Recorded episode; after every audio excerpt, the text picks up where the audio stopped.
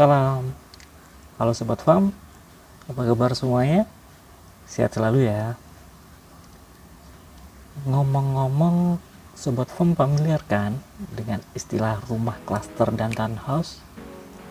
Ya iyalah, kan sering tuh kita simak iklan di medsos atau mungkin di obrolan harian nih bersama teman, keluarga, dan lain sebagainya.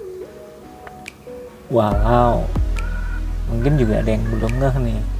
Untuk itu, secara khusus video kali ini akan mengulas perihal rumah klaster dan townhouse secara global ya. Oke, saat membahas rumah klaster dan townhouse, dipastikan rumah tersebut terbangun berkelompok dengan tampilan rumah yang seragam ya. Dalam satu lingkungan dong, satu perumahan.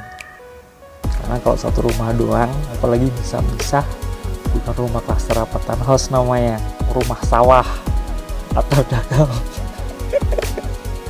Oke oke sorry sorry canda selain itu fasilitas-fasilitas umum baik di perumahan klaster maupun townhouse juga banyak.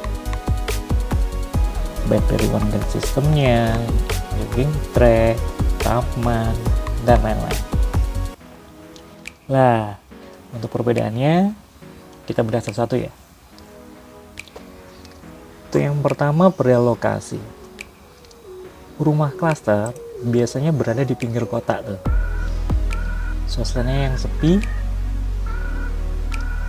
dan biasanya pengembang mengonsepnya secara asri. Istilah trennya sih eco green living gitu. Bener gak sih pengucapan Inggrisku? Sorry, bukan orang Inggris soalnya.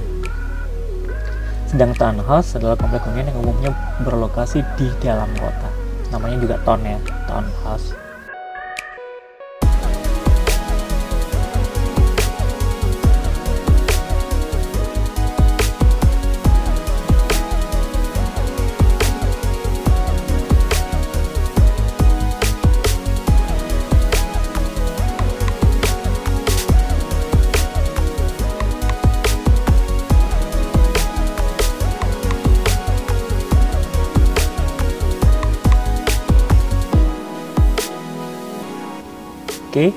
perbedaan yang kedua, perihal model rumah.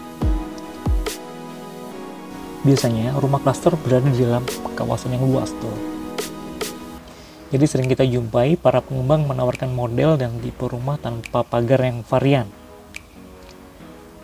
Paling ya dibatasi tembok pemisah dengan rumah sebelah aja sih.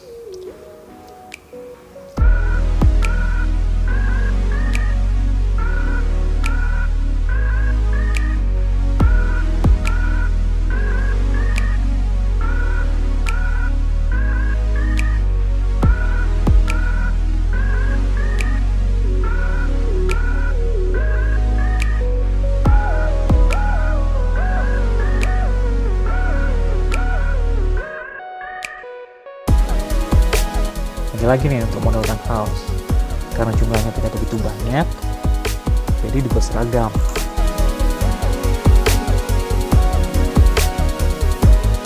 Dan umumnya bangunan rumah lebih dari satu lantai. Umumnya ya. Walau agensi kami juga memasarkan konsepsi townhouse yang cuma satu lantai sih. Cuma umumnya dua lantai. Terus perbedaan yang ketiga adalah segmentasi karena model dan tipe rumah klaster umumnya dibuat varian, kan harga unit juga varian tuh, beda-beda. Hal ini berhubungan dengan kebutuhan para bayar yang beragam. Baik dari sisi budget, tujuan membeli, ada yang buat unit, ada yang buat investasi, dan lain sebagainya. Sedang townhouse, merujuk sejarah dibangunnya di Indonesia kan untuk memenuhi kebutuhan tempat tinggal para ekspatriat tuh. Oleh sebab itu, konsep townhouse lebih eksklusif. Dan lokasinya yang sangat strategis menyebabkan harganya emang agak-agak gimana gitu walaupun bukan buat barometer ya. Karena pria harga ini nggak menjurus ke rumahnya doang.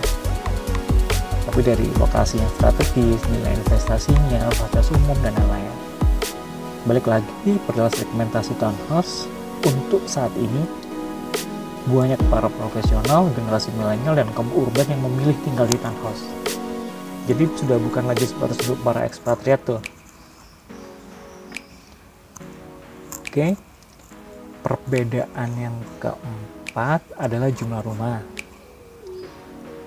Perumahan klaster umumnya memiliki rumah yang lebih banyak daripada townhouse. Dalam satu perumahan klaster, biasanya kita masuk perumahan tuh. Di dalam perumahan itu ada beberapa klaster, dan setiap klaster menawarkan tipe dan model terbaiknya. Ada yang tipe, ada yang satu lantai tipe sekian, ada yang dua lantai tipe sekian,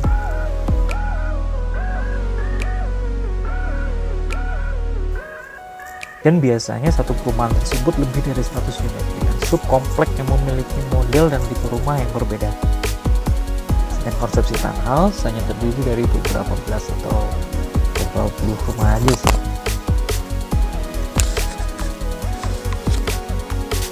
Oke, kurang lebihnya seperti itu. Barangkali sobat paham ada masukan, kritik, dan saran, dipersilakan nulis di kolom komentar ya. sampai di sini dulu video kita kali ini jaga kesehatan tetap semangat dalam karya yang manfaat dan salam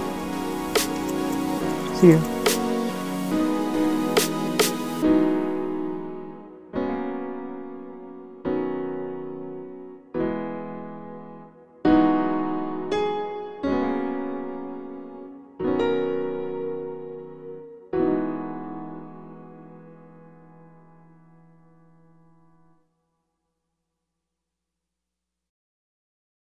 dulu ya Pak Ibu maklum buat pajangan aja